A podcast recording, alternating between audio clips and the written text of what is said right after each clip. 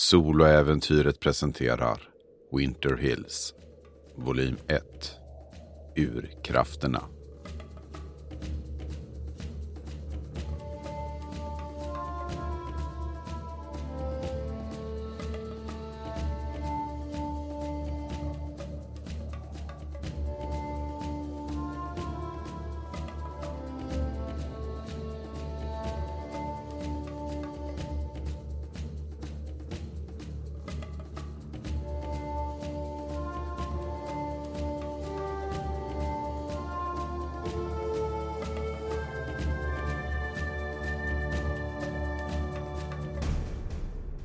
Säsong 1, avsnitt 29. Nothing and Nowhere, femte delen. Efraim Martin sitter i droskan som har tagit honom ut ur New York, bort emot landstället där hans far Viktor är på besök hos Abraham Holtz. Johan sov Efraim bra igår natt? Nej, tankarna snurrade i huvudet. Eh, jag fick inte, fick nästan inte en blund. Jag tänkte på min mor, som jag aldrig mer kommer kunna träffa och jag tänkte på min far. Ja, eh, nej, så mycket tankar som bara snurrar. Jag, jag tänker att du kan faktiskt få slå ett omskakande skräckslag med utstrålning här, bara för att spendera den här natten på rummet. Eh, vrida och vända sig med minnet om att aldrig, aldrig mer få träffa sin mor. Att hur det liksom har sjunkit in från den första chocken. Åtta. Det här känns ju som sagt vara, men det är inte så att det lamslår dig. Men minnena är ju det som har härjat din sömn och kanske därför också du inte har kunnat sova så bra. Har du varit ute på Holts landställe många gånger? Nej, jag har väl varit med något tillfälle med far eftersom jag måste lära mig att knyta kontakter och så vidare. Men det är inga jag känner jätteväl.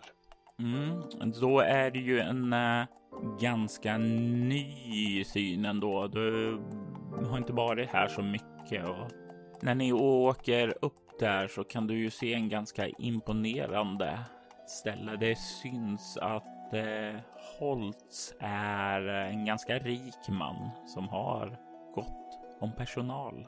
Vad är det dina ögon fastnar på när ni börjar närma sig herrgården? Jag tror att eh, jag faktiskt tittar ut mot eh, skogen som ligger en bit bort. Jag sitter och, och tänker på mitt äventyr. Men sen så avbryts tankarna av de här att jag måste faktiskt eh, träffa far och jag börjar stålsätta mig inför det helt enkelt och tänker inte så mycket på omgivningarna. Droskan stannar utanför ingången och kan höra hur dörren till droskan öppnas upp och du kan se Holts tjänstefolk där bara är redo att ta emot dig. Ja, jag stålsätter mig, tar ett djupt andetag och sen så går jag ut ur droskan, rak i ryggen och jag rör mig upp för trapporna mot huset. Och dörrarna öppnas ju när du börjar komma närmare och du kan se hur en eh, piga där inne mm, niger för dig och säger Herr Martin, om ni följer med mig. Eh, Herr Holtz och eh, er far är och diskuterar i salongen på övervåningen. Mycket bra, säger jag och eh, förbereder mig att räcka över hatten och rocken. Och eh, pigan tar ju emot den och eh, räcker över den till en eh, annan piga för att sedan börja eskortera er upp mot övervåningen. När ni börjar röra er upp där så lägger ju märke till att det är en ganska luftig villa. Stor, grandios. Allt annat än det lilla utrymme ombord på skeppet. Det är nästan så att du får en liten känsla av torgskräck efter att spendera att ja, nästan ett år ombord på den där båten på SS Salvation. Tiden har gått och även om ni var i land några dagar så är det ju mesta tiden ombord på skeppet trots allt. Ja, ja men man tror ju att man ska känna att gud vad härligt att komma av det här fördömda skeppet. Men samtidigt så blir det den här, alltså det blir det nya vanliga. Och det känns väldigt ovant att gå omkring i de här miljöerna. Jag har inte riktigt vant mig tillbaks till det vanliga livet än. Och frågan är hur länge du kommer få stanna i land den här gången. Du kommer fram till en dörr som är stängd och du kan höra samtal där inne. Du kan känna igen rösten av din far och herr Holts röster och de verkar tala lågmält och du kan höra snart när pigan knackar på själva dörren. Eh, du kan höra Holts röst där inifrån säga Ja. Eh, herr Holtz, eh, den unge herr Martin är här nu. Släpp in honom då. Låt inte honom vänta. Och du kan se hon liksom niger lite ursäktande över att hon har fått låta dig vänta. Ja, det, det är ingenting jag tänker något vidare på utan jag går in. Och du kan se den här salongen då en öppen eldstad där det är knastrande brinner en eld och sen så kan du se två eh, rejäla fåtöljer riktade emot den och i den så kan du se den ganska robusta men välklädda mannen som är Abraham Holtz. Han är en man klädd i de finaste skurna kläderna för tiden. Han är moderiktig. Han är en gentleman ut i fingerspetsarna. Han vet hur man ska passa in i societeten. Din far är också godklädd förstås. Han är ju en Martin och han är, rör sig bland finfolk. Men han är en smalare eh, man än Mr Holtz. Han är vithårig redan eh, och du kan se han har ett ganska förnumstigt skägg också. Och han kollar upp och ser dig och ett leende spricker upp på hans läppar och samtidigt som han reser sig upp och nickar mot dig och säger Välkommen tillbaka min son. Far, herr Holtz. Och jag tittar på den här herr Holtz och, och beundrar hans eh, gestalt. Och jag går fram såklart och eh, hälsar på dem ordentligt. Först Mr Holtz såklart. Och sen min far. Och mm, efter du har hälsat på Mr Holtz så, så kan du se han kliver iväg mot baren medan du hälsar på din far. Och när du har avklarat det så kan du höra Mr Holtz säger så vad vill eh, ni ha att dricka? En konjak skulle sitta väldigt fint, tack. Han tar fram en konjak och häller upp det i ett glas och kliver tillbaka till dig och räcker över den. Eh, jag vill att du slår ett eh, lätt slag med utstrålning kameleont. Då slår jag 11. Det, det är någonting mellan de här två herrarna. Det är någonting som om man talar om någonting mycket, mycket allvarligt och du får nästan en känsla av att ja, det är väl som så att din far kanske är lite orolig. Ja, man skulle nästan våga sig på att gissa att eh, Holtz är bekymrad. Även om de inte säger det rätt ut åt dig. Det är ju såklart inte min plats att fråga rakt ut. Men eh, jag tänker att eh, jag är ganska duktig på det här med att tala. Så jag tänker att eh, jag kan försöka leda konversationen åt ett sånt håll att eh, de kanske kan avslöja någonting för mig om de nu är villiga. Jag tänker mig att eh, du kan få slå ett. Eh, du kan få slå ett svårt slag med utstrålning i interaktion med plus ett. Och det här är inte en social konflikt va? Nej. Eh, 15. Du kommer att kunna leda in det lite längre fram, men när du har fått din konjak så hinner eh, herr Holtz att eh, föregripa dig med frågan. Så du är tillbaka nu, så jag gissar att eh, skeppet också är det, säger han och ler. Ja, herr Holtz. Eh, skeppet är tillbaka och eh, jag skulle knappt säga att det är en skråma på skeppet. Utmärkt. Och expeditionen har eh, varit mycket framgångsrik, säger jag väldigt stolt och ler lite. Jag kan inte hålla borta rent. Så berätta för mig, eh, fann ni någon plats där som var lämplig att slå sig ned vid? Ja, vi har funnit en väldigt fin bukt där det finns skydd mot vågor. Och eh, dessutom så har vi när vi har sökt oss längre in mot land eh, där jag tog mitt ansvar och ledde en av de här patrullerna så fann vi på sötvatten. Den här källan befinner sig på en mycket lämplig plats att bygga ett litet samhälle. Eller ett stort om man så önskar. Du kan se hur din far ler lite och du får en känsla av att han är stolt över dig. Det betyder väldigt mycket för mig. Och hur ser det ut med eh, möjligheter till att eh, ja, eh, besörja sig själv där ute? Jag menar, om vi tänker tillbaka på eh, Eh, ja, eh, mat, näring. Ja, det verkar i detta nu som att det finns goda möjligheter. Eh, Herr Saroyen har eh, undersökt markerna och det verkar finnas eh, någon form av villebråd där. Och eh, kapten Toom trodde att det fanns val ute vid havet. Jag tror faktiskt att vi såg val. Säger jag. Sen, sen när jag säger mer så tänker jag tillbaks på den här fruktansvärda synen som jag såg. Och jag blir nästan lite ställd själv och, och tystnar. Mm.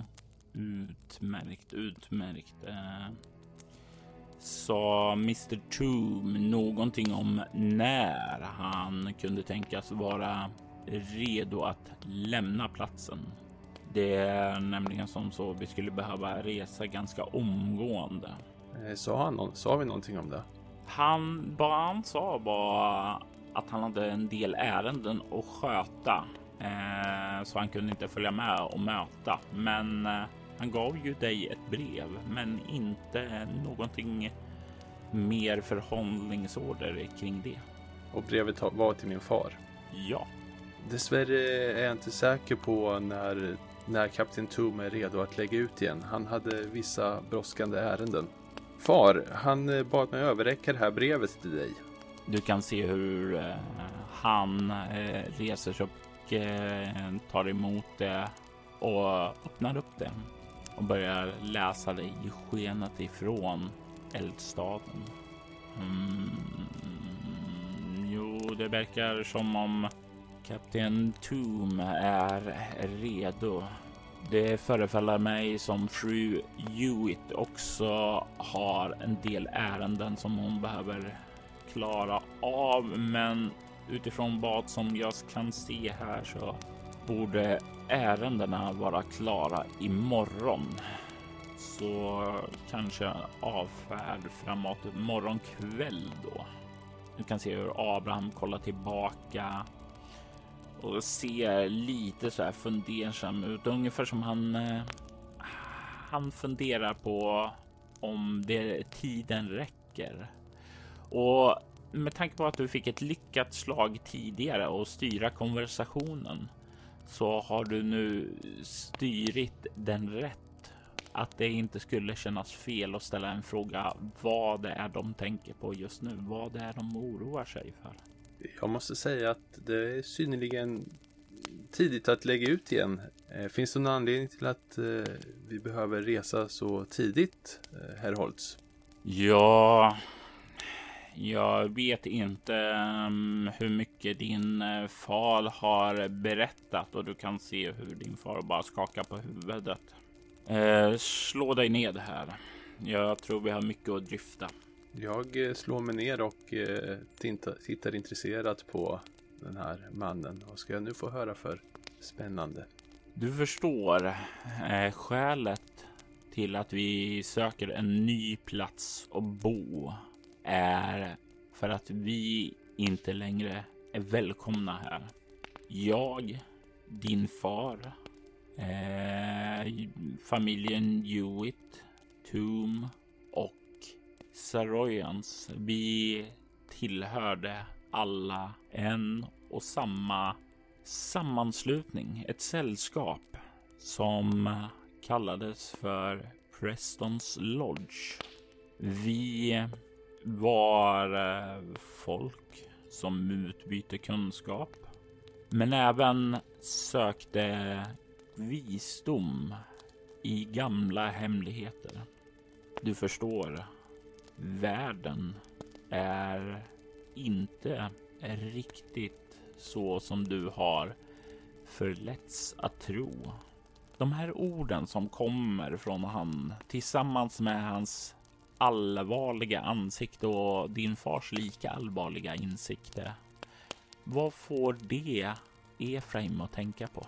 Ja, men i början så, så låter den här karn som man plötsligt börjar ja, men, tala galenheter.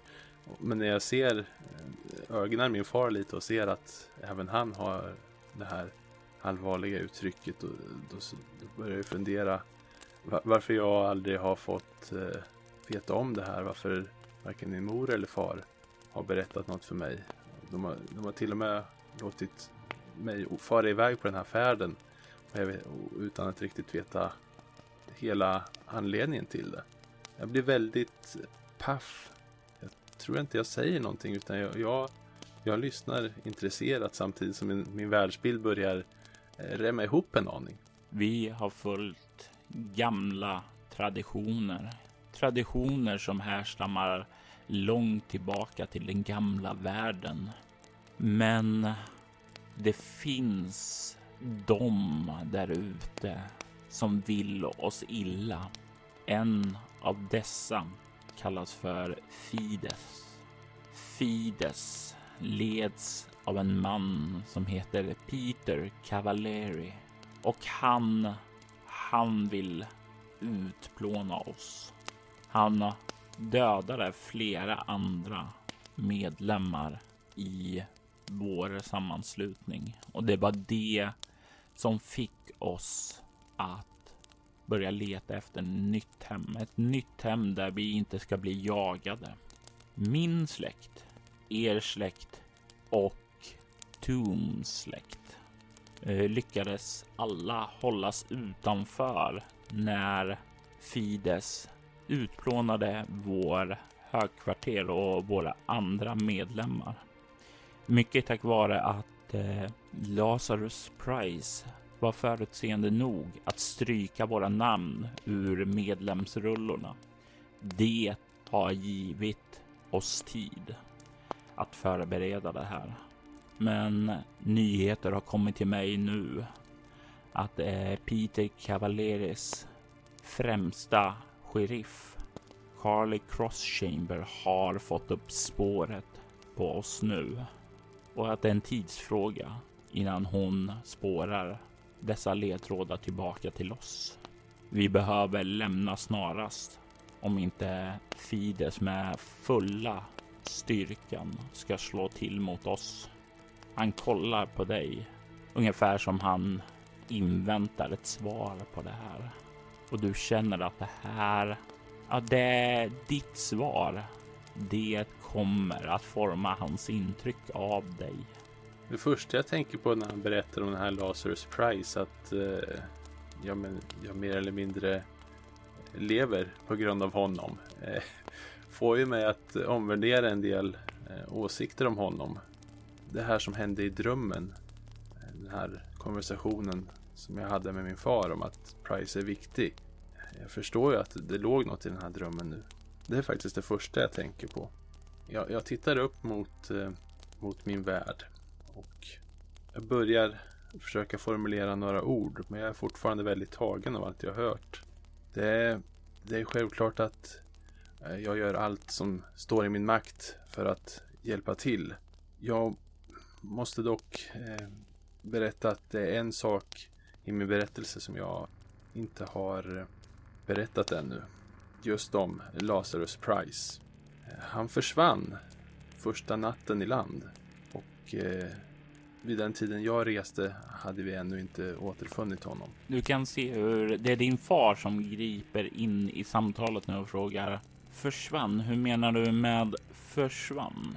Han begav sig på spaning tillsammans med en jägare söderut första natten som vi gick i land. Därefter så återsåg vi honom inte. Det är oroväckande. Vi får väl hoppas att han har återvänt då när vi... Vi... Vi får väl se. Det är väl inte mycket vi kan göra åt det saken nu i alla fall. Vi kan se hur Holst nickar och säger Ja, vi får verkligen hoppas det, för om Lazarus har gått bort så har vi förlorat en av våra främsta esoteriker. Och jag hade hoppats att vi tillsammans skulle kunna underlätta rotandet på den nya platsen. Att enklare kunna tämja den och göra den till ett behagligt hem. Ni hann inte få någon initial rapport vid landstigningen från honom huruvida det föreföll sig vara en eh, gynnsam plats för våra läror. Nu minns jag inte exakt vad han sa, men sa inte han någonting sånt? När du börjar tänka tillbaka där. Jag vill att du slår ett svårt slag med ego. Och just att det är ett svårt slag är ju för att det var så mycket känslor där och det var ett i dina ögon överfall från honom där också. Det är väl det som sitter hårdast kvar i minnet såklart. Då slår jag åtta. Du har ärligt talat inte något minne av. Eh, du är inte helt säker på om det är om det faktiskt var så att han sa det eller om det är ett falskt minne som dyker upp nu när du står här. Eh, han kan ha sagt det, men det kan lika gärna vara du som drar dig eh, minnet felaktigt till minnes. Att du minns fel helt enkelt. Ärligt talat så, så minns jag inte. Han eh, var väldigt eh, upptagen eh, när vi landsteg. Eh, jag minns inte riktigt vad han sysslade med, men han eh, höll sig lite bort från oss andra. Ja, jag gissar på att eh, det var en del av hans utvärdering av landet då. Ja, eh, vi får väl se vad trakten har att erbjuda, men det erbjuder i alla fall ett skydd emot Fides. Så långt norrut är inte de ett hot. Du kan se hur din far nickar åt dig och sen så vänder han blicken mot dig och säger eh, Jag skulle vilja att du tar dig hem till oss. Se till att eh, under dagen se till att all vår nödvändiga utrustning i hemmet är färdigpackad och levererad ner till lagren nere i hamnen. Det är redan påbörjat, men jag vill att du avslutar det så att det blir gjort ordentligt. Självfallet far, du kan lita på mig. Jag undrar dock, kommer vi att återvända hit? Det kommer vi inte att göra. Jag förstår. Han nickar och han kollar på dig väldigt, väldigt allvarligt och du får också en känsla av att det här är någonting som han egentligen inte vill göra, men han vet att han måste det. Jag är på väg och eh, ger mig av och sen stannar jag innan jag kommer ut i rummet och det är egentligen inte passande men om vi har så bråttom härifrån så måste jag ändå få veta. Jag vänder mig till min far och frågar Far, min mor, är hon begravd? Ja. Vart kan jag finna henne? Jag skulle vilja ta farväl innan, jag, innan vi lämnar den här staden för gott. Eh, hon eh, ligger på Batavia Cemetery. Jag eh, förstår om du vill ha farväl först där. Jag försöker göra det så kvickt jag kan, far. Du kan se han nickar allvarligt, men det är någonting i den här blicken som liksom ingjuter att han har full förståelse där och att även om tiden är av vikt så tänker inte han be dig att skynda sig. Du kan se hur Herold snickar mot dig och säger jag beklagar förlusten. Er mor var en stor kvinna. Världen har blivit lite gråare nu när hon inte är med oss längre. Det var hon sannerligen. Tack herr Holtz. Och på återseende. På återseende. Du kan se när du kommer ut hur pigan väntar på dig för att eskortera dig ned tillbaka till droskan. Se till att du får din rock och din hatt. Ja, jag griper åt mina kläder och rör mig skyndsamt ut mot droskan och, och ger genast eh, direktiv om att ta mig till den här kyrkogården. Så jag ska kunna se min mors grav. Åtminstone en gång. Och det, det tar ju en stund där i droskan innan du anländer dit. Vad går igenom dina tankar på vägen ut dit? Hålls de eh, till din mor och minnen om henne eller har de redan liksom vandrat vidare till förberedelser och arbetsprocesserna som kommer att vänta på dig när du kommer hem? Nu när jag har ett väldigt tydligt eh, mål, någonting jag ska göra och någonting jag vet att jag är väldigt duktig på, då börjar jag faktiskt redan fundera på vad det är som eh, måste ordnas med. Så det här blir riktigt bra gjort. Och det ditt, ditt sinne liksom tar emot det där samtidigt som eh, du eh, nästan plötsligt rycks ur de här tankarna om förberedelser och sådant där droskan stannar till och kusken eh, deklarerar att ni är framme och börjar ta sig ned för att hjälpa dig ut ur vagnen. Jag tror även hela vägen fram till graven fortsätter fundera. Det är nästan som att det blir ja, men det här besöket vid graven. Det blir, det, mest, det blir mer som en sån sak som heden kräver på något sätt. Eh, snarare än att eh, jag vill, jag måste få se graven för min egen skull. Och graven som du kommer fram till är väldigt, väldigt enkel. Definitivt inte så påkostad och storslagen som eh, den egentligen borde vara för en eh, kvinna i hennes sociala sånt så att säga. Det känns nästan som om graven i sig är mer plikttrogen upprättad. Kanske mycket därför att din far vet att ni inte kommer dröja er kvar här, att ni är på väg bort. Att det är, det är mer plikten som kräver att hon ändå måste få en grav. Ja, precis. Och det, jag tänker så här att det går alltid att göra ett fint minne till henne vid vårt nya hem. Kanske så vi ska inleda när vi bygger en kyrka, att faktiskt inrätta ett mausoleum åt oss själva direkt.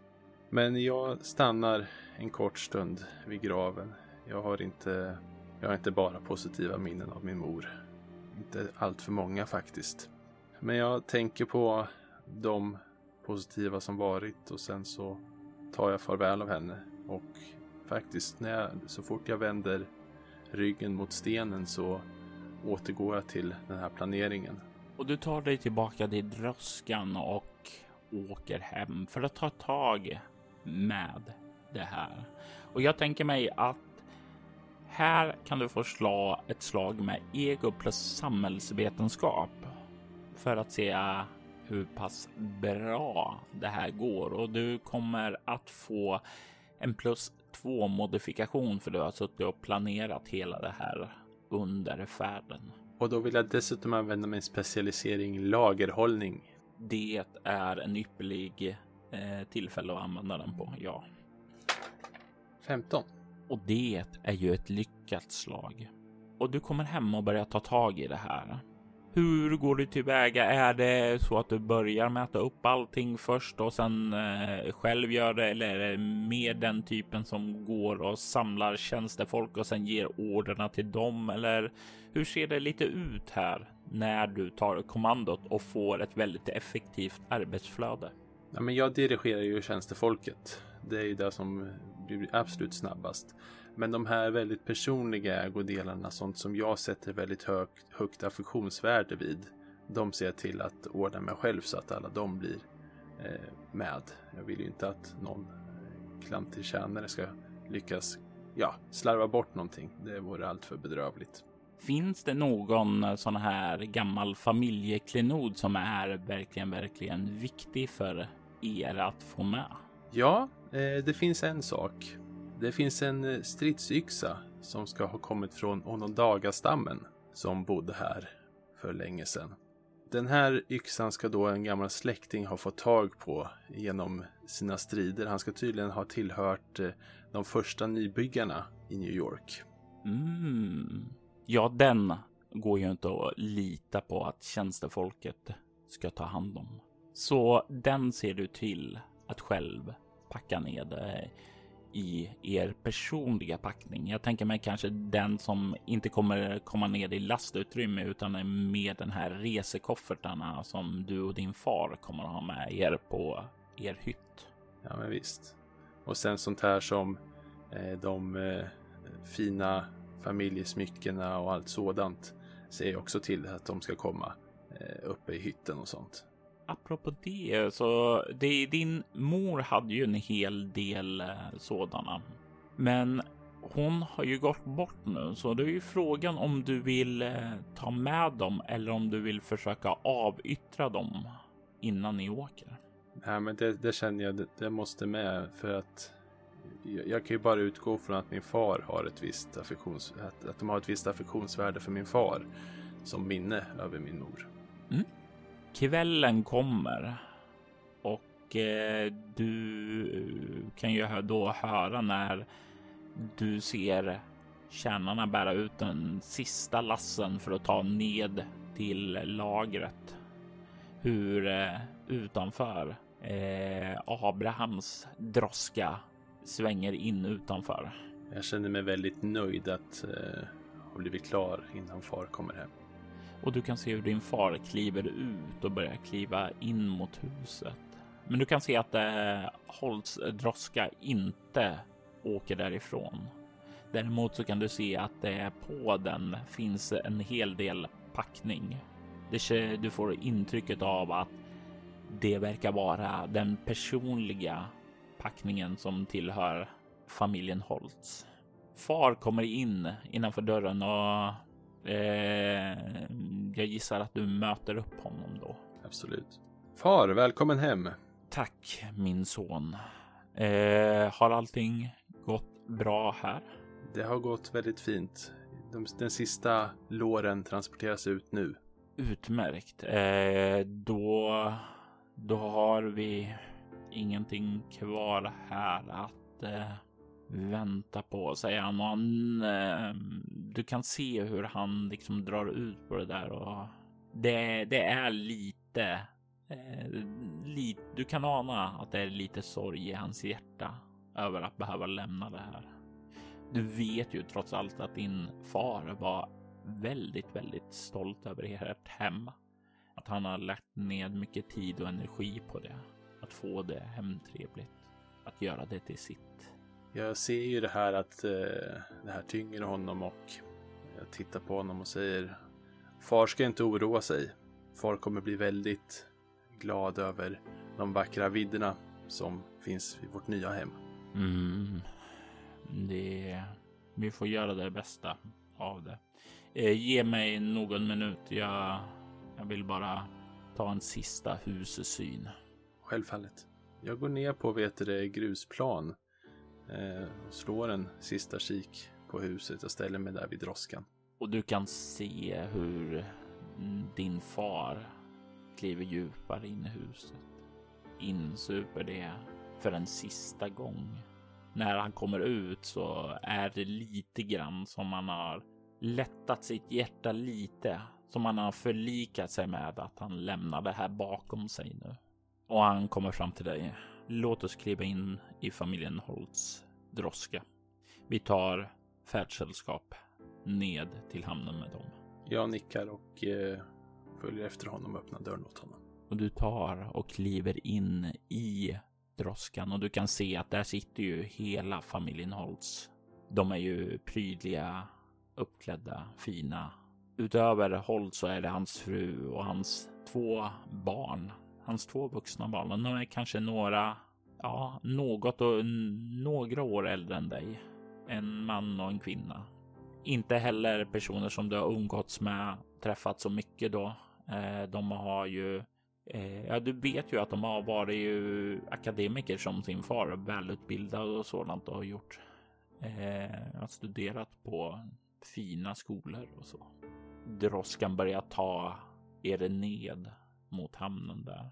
Ingen verkar säga så mycket, utan det ligger en allvarsam tystnad över resan ned. Är Efraim bekväm med allvarsam tystnad? Han är van vid det kan man säga. Det är det han är uppvuxen med, eller uppväxt med.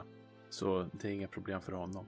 Ni rullar snart in i hamnen och du kan se skeppet SS Salvation eh, stå där. Du kan se många av Tooms fiskefartyg verkar redan ha lätta tankar och åkt utåt i natten. Inte alla, men många. Kan se när ni kliver av droskan hur Toom eh, står uppe på däck och verkar vänta på er. Ja, jag känner att jag trodde att jag var färdig med mitt stora äventyr. Jag trodde att jag hade gjort mitt. Och nu ska jag genast tillbaka. Det känns nästan lite surrealistiskt att återigen gå på det här skeppet. Det skepp som har varit ditt hem i nästan det senaste året. Det är platsen som du stirrar upp emot nu.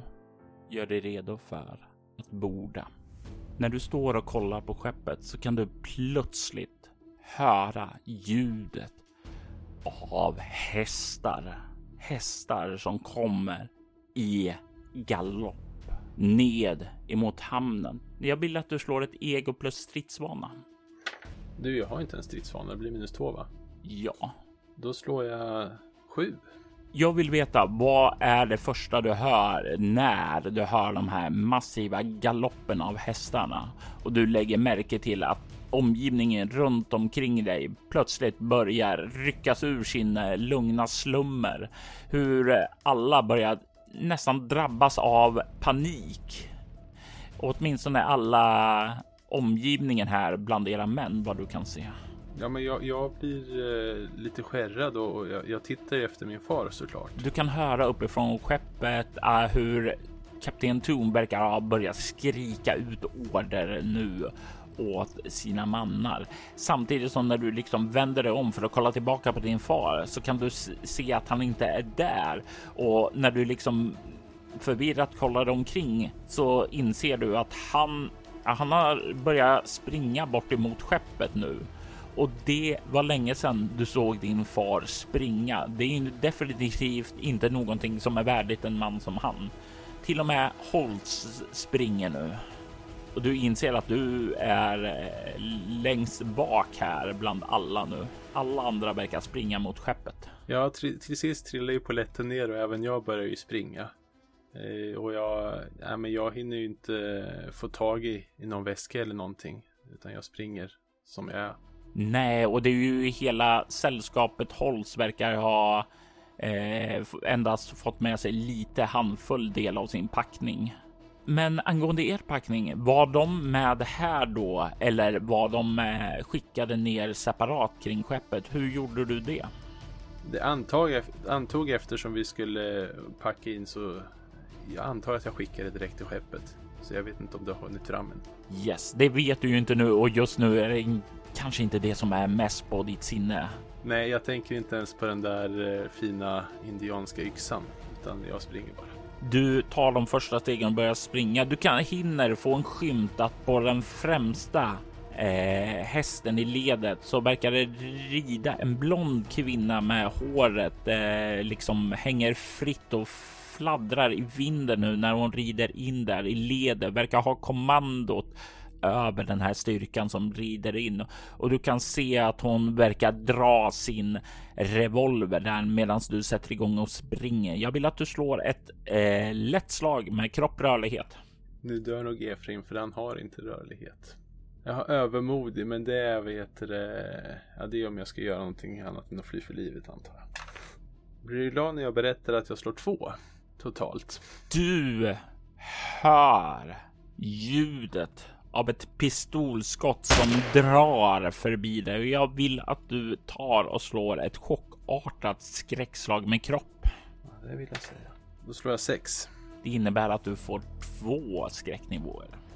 Ja, nej, men jag blir ju verkligen livrädd Det här är ju sån kalabalik och jag bara känner att jag har ingen som helst kontroll över situationen. Du känner också att du hamnar där i bakre leden av folket som springer där. Paniken är total. Eh, det, det blir som så att tjänstefolk och så som också ska med ombord där. De är ju i sinnesstämning att de inte bryr sig om vem du är. Du hamnar i bakhasorna. Du kan se längre fram hur familjen Holtz och er far kommer upp för landbryggan. Du kan se hur du befinner dig långt, långt efter. Du kan se hur folk liksom börjar trängas där för att ta sig ombord. Plötsligt så hör du fler skott, inte bara från en person utan från flera. Så du hör folk omkring dig skrika när de träffas och faller omkull. Och en av de här skotten, den letar sig in i en person framför dig och du ser hur blodskvätt dyker upp när kulhålet går in igenom hans rygg och eh, liksom sörjan av blodet rinner ut där framför dig. Ja, det är ju helt fruktansvärt. Men, men jag liksom stannar inte. Jag, jag måste ju bara upp för den här båten så att jag hoppar över den här kroppen som faller för mig och, och är det någon som är, är i vägen så, så knuffar jag mig förbi. All den här tanken på att eh, bete sig normalt och inte knuffa så allt det där far rakt ut genom fönstret. Jag är verkligen panikslagen. När du gör det liksom tar dig förbi på andras bekostnad. Du kan se en kvinnas, en av era tjänstefolk liksom sliter tag i din arm. Herr Martin, hjälp mig, hjälp mig! Släpp mig kvinna! Säger jag och knuffar bort henne och bara fortsätter. Och när du liksom knuffar bort henne så hörs nästa ljud av eh, de avlossade gevären och pistolerna. Och du kan höra hennes skrik och gurglande där bakom dig när du liksom tränger dig förbi. Du kan se hur landbryggan börjar att eh, dras undan. Hur folk fortfarande är på väg att ta sig upp där och eh, de liksom rusar upp för den och den. Jag vill att du slår nu ett nytt slag med kropp plus rörlighet. Och jag tänker låta dig spendera så många bestående förluster du vill i utstrålning. Varje förlust som du spenderar ger dig plus två på slaget och det representerar din järnvilja ah, och din förmåga att offra andra på vägen för att hinna ombord upp för den här rampen och förhoppningsvis ombord på skeppet. Ja, nej, men jag, jag, jag är livrädd för att dö. Jag, jag, jag tar och skickar alla poäng jag kan på det. Så det blir tre stycken då. Ja, så du har plus sex på slaget. Ja. Eh, och minus ett. Ja. Nej, varför slår jag en etta? Jag eh, lyckas slå sju. Och det är ju ett misslyckande. Ja, nej men jag, jag springer ju mot eh, den här stegen upp och knuffar mig förbi folk. Och jag ser ju hur det står människor fram, uppe på skeppet. Och, jag ropar ju till dem att eh, en stor belöning väntar den som hjälper mig. Och det låter som du vill använda din bakgrundsegenhet snuskigt rik då. Ja. Du hör dina ord då eka ut där och du kan se hur de där uppe då börjar vända sig om och liksom puttar undan andra folk om, undan från landbryggan. En del så liksom trillar ner tillbaka i hamnen, men många bara plumsar ner i vattnet omkring. Du kan se hur det börjar beredas en väg för dig. Men du kan se, känna hur någon verkar slita tag i din rock bakom för att hålla dig tillbaka och försöka ta sig förbi. Jag, jag slår och fäktar bort den här personen. Och du kan se när du liksom gör det och fäktar och det är inte riktigt din paradgren där. Så det blir ju så här halvtafatt, men du kan se hur en av de där mannen verkar ta och dra en revolv, höja den mot er och i nästa ögonblick så skjuter den. En kula som träffar den bakom dig och du hör hur den skrikande faller tillbaka och sen tystnar ganska bra. Du är fri, du kan rusa igen. Jag känner mig nästan euforisk. Jag ser den här smala vägen till säkerhet, till frihet och jag rusar allt jag kan.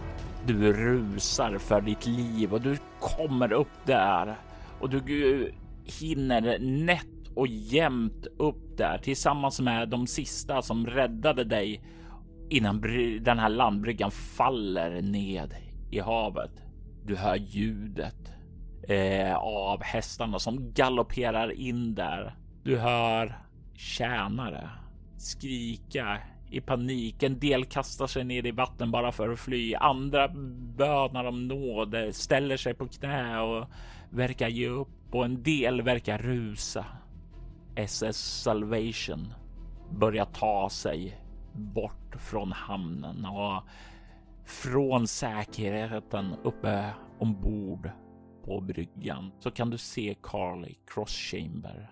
Fides-sheriffen stirrar bort emot er när ni seglar utanför Fides grepp. Ni är säkra nu. Ni är på väg tillbaka till ert nya hem. Ett hem där de aldrig kommer att nå er. I detta avsnitt hör du Johan Ström Helleberg. Winter Hills är en berättelse skapad och spelad av Robert Jonsson till rollspelet Bortom som ges ut av Myling Spel. Avsnittet klipptes av Kvarnberg Productions, ett företag som bistår dig med allt ifrån att hjälpa dig att starta upp en podd till att klippa och producera den. Du hittar dem på kvarnbergsproductions.com och länkar till deras kanaler hittar du i avsnittets inlägg. Robert Jonsson stod för ljudläggningen. Winter Hills temamusik skapades av Andreas Lundström från Sweden Rolls och Riddles in the Dark. Du hittar hans musik på Spotify och Soundcloud. Övrig musik gjordes av Adrian van Ziegler, Gavin Luke, Hampus Nincelius, Magnus Erlandsson och Silver Maple. Länkar till dem hittar du i avsnittets inlägg. Soloäventyret är en Action Play podcast där vi spelar rollspelen Bortom och Leviathan. Ni kan komma i kontakt med oss via mail på info.bortom.nu. Det går även att följa oss på Instagram och Twitter som @spelabortom, på Facebook samt på bortom.nu. Känner även fri att spana in vår spin-off-podd Altors vidder. Där spelar vi det klassiska rollspelet Drakar och Demoner i världen Altor. Ni är välkomna att lämna recensioner av podden, både på Facebook och era poddappar. Det uppskattas djupt av oss och kan leda till extra belöningar för er. Vill du stödja Roberts fortsatta kreativa skapande kan du göra det på patreon.com Robert Jonsson. De som backar får tillgång till material i form av extra poddar och statusuppdateringar.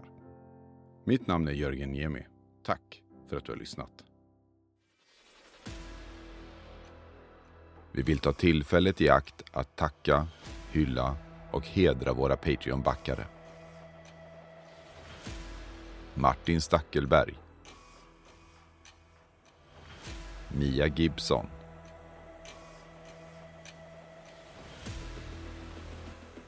Ty Nilsson. Daniel Pettersson. Och Daniel Lantz.